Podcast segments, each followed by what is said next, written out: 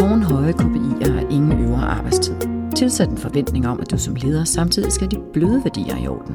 Det er ikke nemt at være en moderne leder. For hvordan forener man de hårde krav og de bløde værdier? Og er det overhovedet muligt uden at sætte medarbejdernes tillid på spil? Ja, siger sociolog og trendekspert Emilia van Havn, hvis du som leder tør se det enkelte menneske og være bevidst om din egen opførsel. Det involverer blandt andet at være personlig uden at blive privat og sætte tydelige mål og grænser. Trækket til bæredygtig ledelse er nemlig væredygtighed, og måske faktisk den hårdeste form for ledelse overhovedet. Du lytter til FM Fokus. Mit navn er Elisabeth Hammerik Schwartz. Når jeg tænker bæredygtighed, så tænker jeg jo automatisk på klima. Øhm, men hvad er bæredygtig ledelse egentlig, Emilia van Havn? Bæredygtig ledelse handler rigtig meget om at skabe en organisation, hvor der er plads til, at mennesker kan være i balance. Det skulle være den helt korte udgave af det.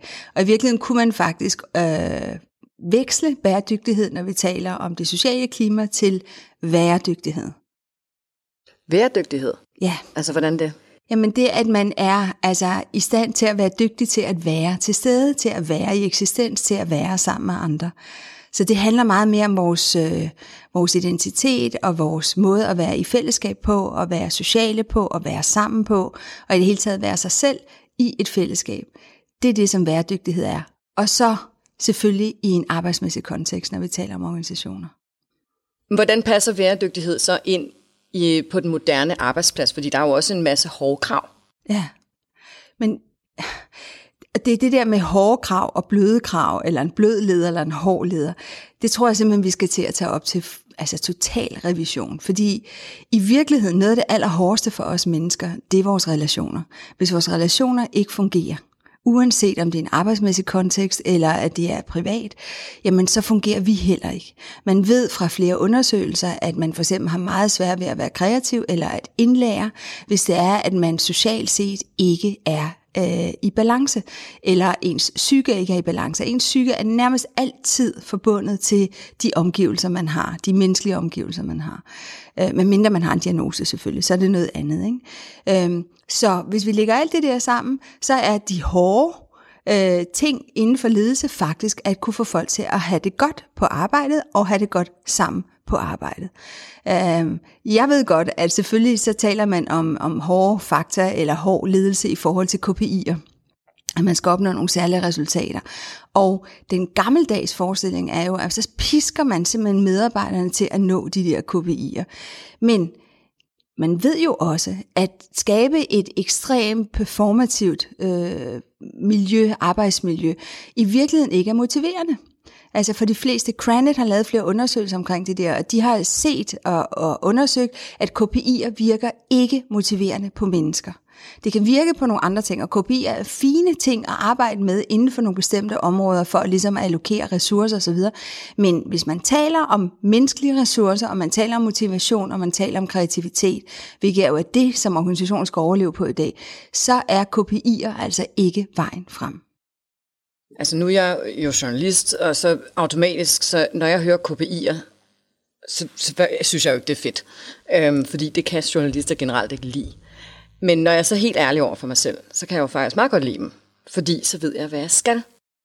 Risikerer man ikke, at det hele måske bliver lidt øh, fluffigt? Ja, jeg elsker de spørgsmål, og du øh, rammer jo ind i et tabu også, ikke? Fordi at, øh, at selvfølgelig at de fleste mennesker, øh, de trives mest med at vide, at de er en succes, når de har opnået et særligt resultat. Det er jo en af de store udfordringer, vi har i det moderne samfund, det er, at man bliver aldrig færdig med et arbejde, fordi hvornår er det godt nok? Meget af det arbejde, vi laver i dag, er jo kreativt, det er associativt, det er øh, i fællesskab, og man kan i virkeligheden blive ved med at arbejde, arbejde, arbejde på den samme opgave, uden nogensinde at blive færdig. Så, så derfor er det enormt rart at vide, at man har en deadline. Du skal ligesom aflevere til det der tidspunkt, så er man færdig. Eller øh, du skal aflevere det i den her form, så er man færdig. Og det, det, det er simpelthen helt grundlæggende i vores egen psyke, at vi har det godt, at vi bliver færdige med noget, at vi føler, at vi er en succes og har opnået det. Men KPI'er er bare et problem, hvis du tror, at du så som identitet er en succes eller en fiasko, hvis du opnår eller ikke opnår de der KPI'er. Og jeg har faktisk lavet en omskrivning af KPI'er, fordi øh, KPI burde i virkeligheden stå for konstant presset individer i dag. Øh, fordi der er rigtig mange mennesker, der føler sig sådan. Hvis vi kigger på hårde fakta, når vi taler om bløde elementer, nemlig mennesker, så ser vi jo, at vi aldrig nogensinde været så stresset som før, øh, som, altså før som nu. Vi har aldrig haft så meget angst, vi har aldrig haft så meget depression, vi har aldrig haft så meget ensomhed og søvnløshed, og alle de der faktorer er simpelthen med til at gå ind og påvirke vores livskvalitet. Og hvis vores livskvalitet er påvirket, så arbejder vi også bare dårligere. Når jeg siger, at KPI står for konstant presset individer, så er det værste faktisk ikke, at de er konstant presset. Det er, at mange føler sig som et isoleret individ. Det vil sige, at de, det er op til dem selv, om de har succes eller fiasko. Det er ikke et spørgsmål om, at gruppen løfter dem. Og det har vi jo brug for som mennesker, fordi indimellem så, så performer vi ikke lige så godt, som vi plejer. Og indimellem er der nogle andre, der ikke gør det. Og det er jo det, der er vidunderligt ved et fællesskab, det er, at vi ligesom kan udligne hinandens hvad skal man sige, mangler, øh, og, altså, og forstærke de styrker, vi har. Så det er også det, der ligger i konstant presset individer, det er, at man, man netop ikke skal føle sig som et isoleret individ i det fællesskab, man er en del af. Så man er en del af et gensidigt forpligtende fællesskab, og det er næsten den vigtigste opgave, en leder skal kunne skabe.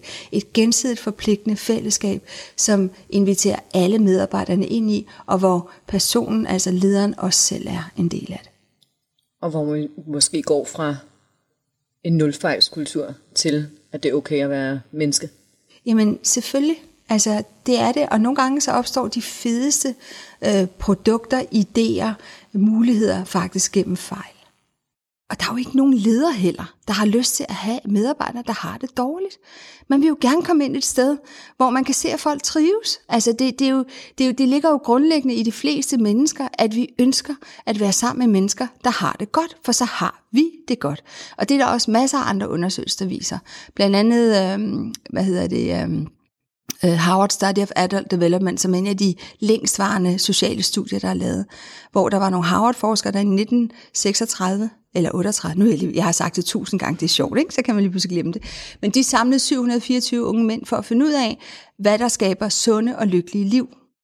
Øhm, og det entydige svar var gode relationer. Så det ligger helt grundlæggende i os mennesker, at vi ønsker at have gode relationer for at have det godt. Og når vi har det godt, så udfører vi også et meget bedre arbejde. Så vis mig den leder, der ikke ønsker at have det godt øh, sammen med sine medarbejdere, for at kunne skabe nogle gode resultater. Jeg tror ikke, at de findes. Desværre findes der så de ledere, som jo ikke selv altså, er inden for normalområdet, ikke? og som udelukkende kører efter resultater på kort sigt. De findes også, men de bliver færre og færre, fordi der er flere og flere sanktioner imod dem. Jeg kan bare ikke lade være med at tænke, altså hvis, hvis det er, at vi skal have alle de her bløde værdier som ledere, samtidig med, at vi skal nå de her mål, kan man ikke risikere at blive måske lidt manipulerende i sin ledelsesstil, hvis det er, at jeg går hen til dig, så, så lytter jeg virkelig på, på dit øh, brud med din kæreste, eller eller andet så næste dag, så er sådan, nu skal du øh, lige nå det her. Altså, hvor det, kan man ikke risikere at misbruge det ved måske at bruge den her coaching tilgang lidt for meget?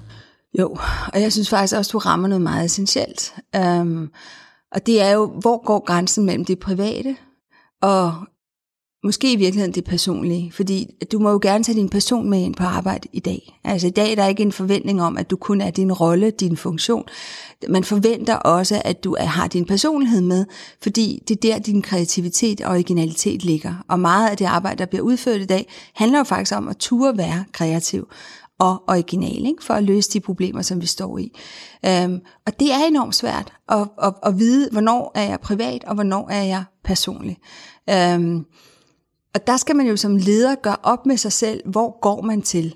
Og det er faktisk ok som leder at sige, prøv her, jeg vil rigtig gerne støtte dig i dit arbejde. Jeg vil også gerne lytte til, hvis du har nogle problemer. Men jeg kan ikke være din, din, din parterapeut. Jeg kan ikke være din almindelige terapeut. Fordi så bliver det svært for os at have en arbejdsmæssig relation. Det, det der er det vigtige, det er, at man melder klart ud. Øh, og det er derfor, det er så vigtigt, det du siger med manipulation. Man skal ikke lade som om, at man er noget, man ikke er.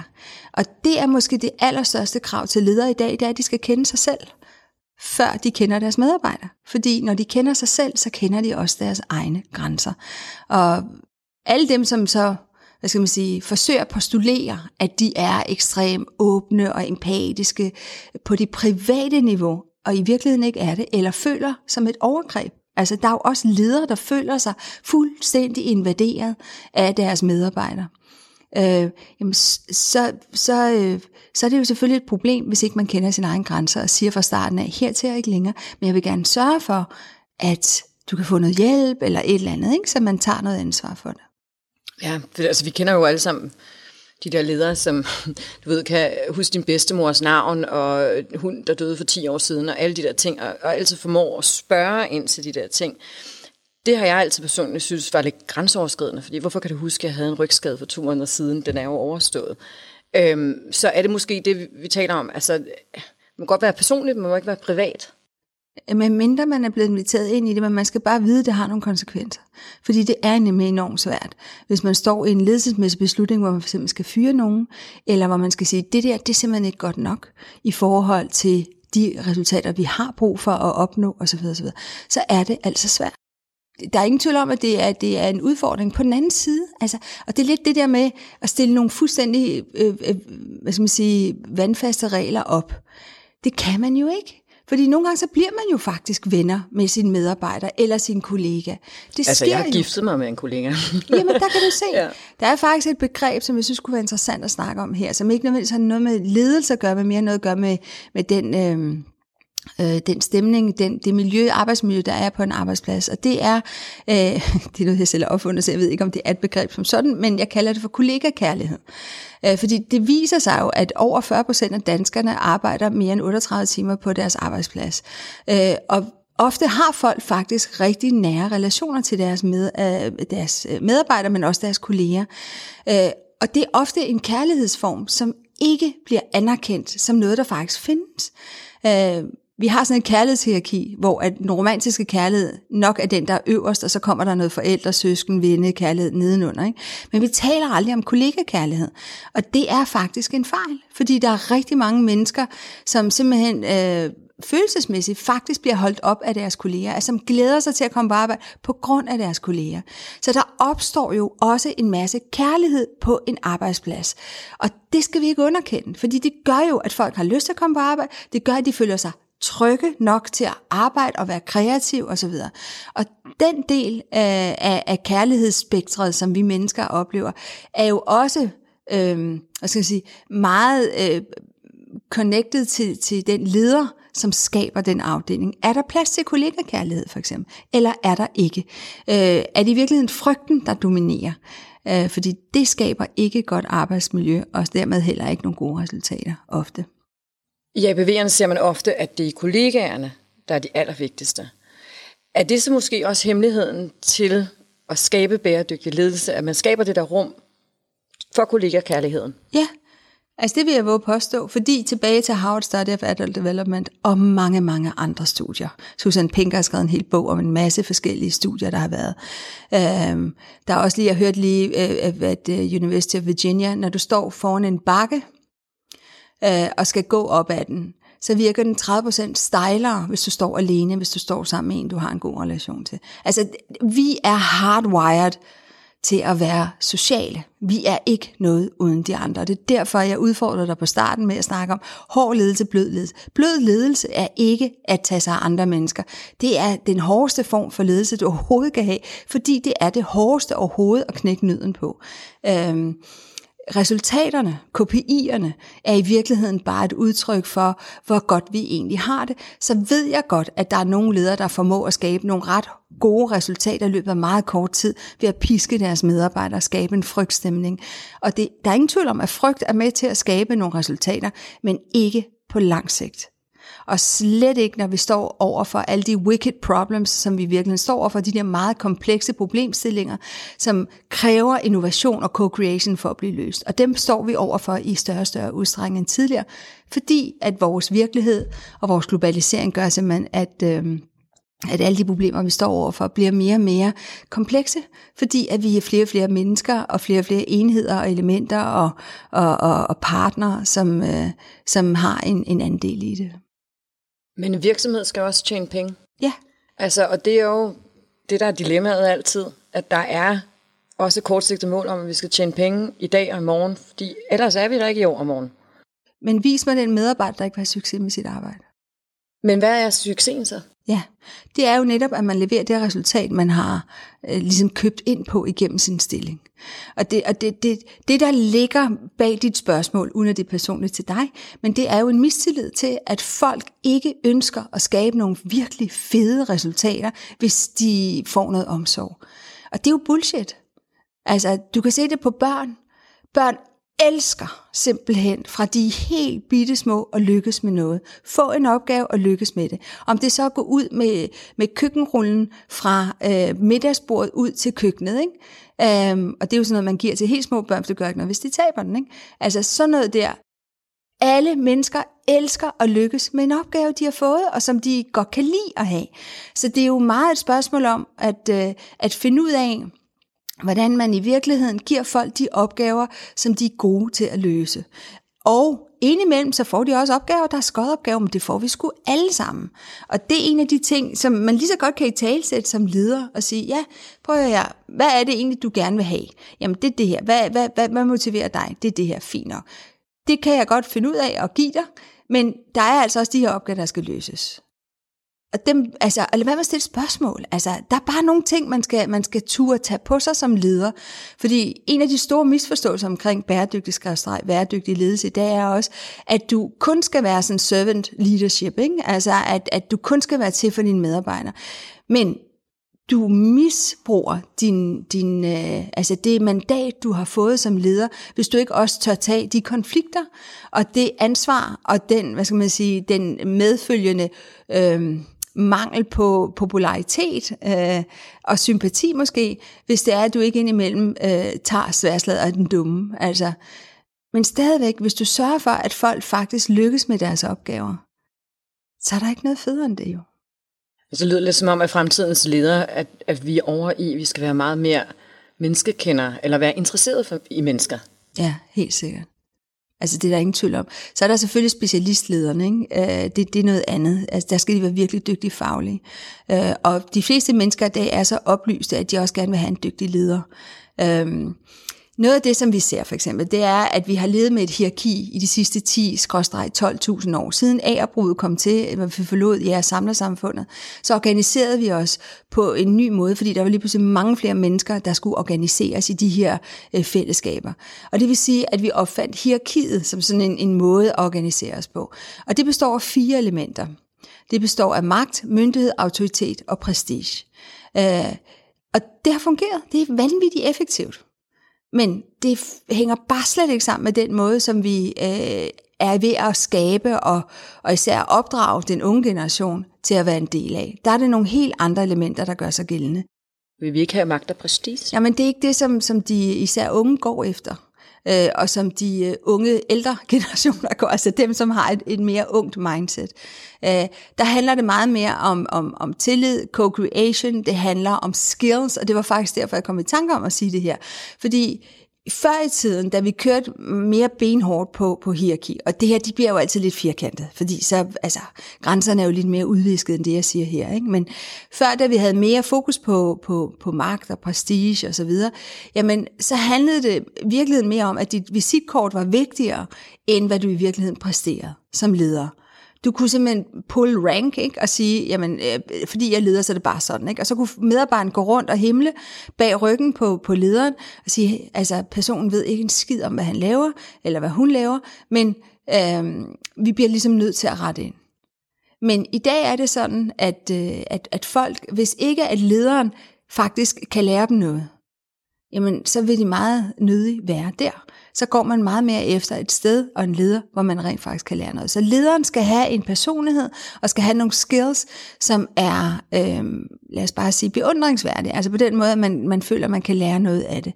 Men, men, men personen, lederen, behøver jo så heller ikke at være den der idealiserede øh, helt. Altså må også gerne have flaws og, og være øh, øh, svag på nogle områder og står stærkere ved at turde sige det. Men hvis det nu ikke falder en naturligt Mm-hmm. at kunne, kunne de ting som leder, Er man så automatisk en dårlig leder, eller er det noget, man kan tillade sig?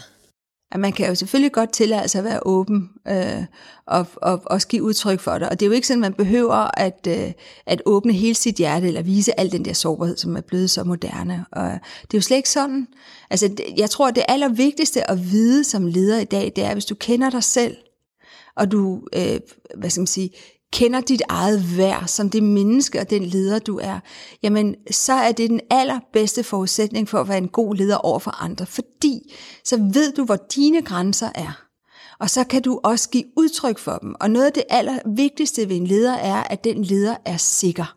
Altså at man som medarbejder ved, hvor man har den leder, og man ved, hvad man skal levere for, at den leder synes, at man gør et godt stykke arbejde, og at man er med i fællesskabet.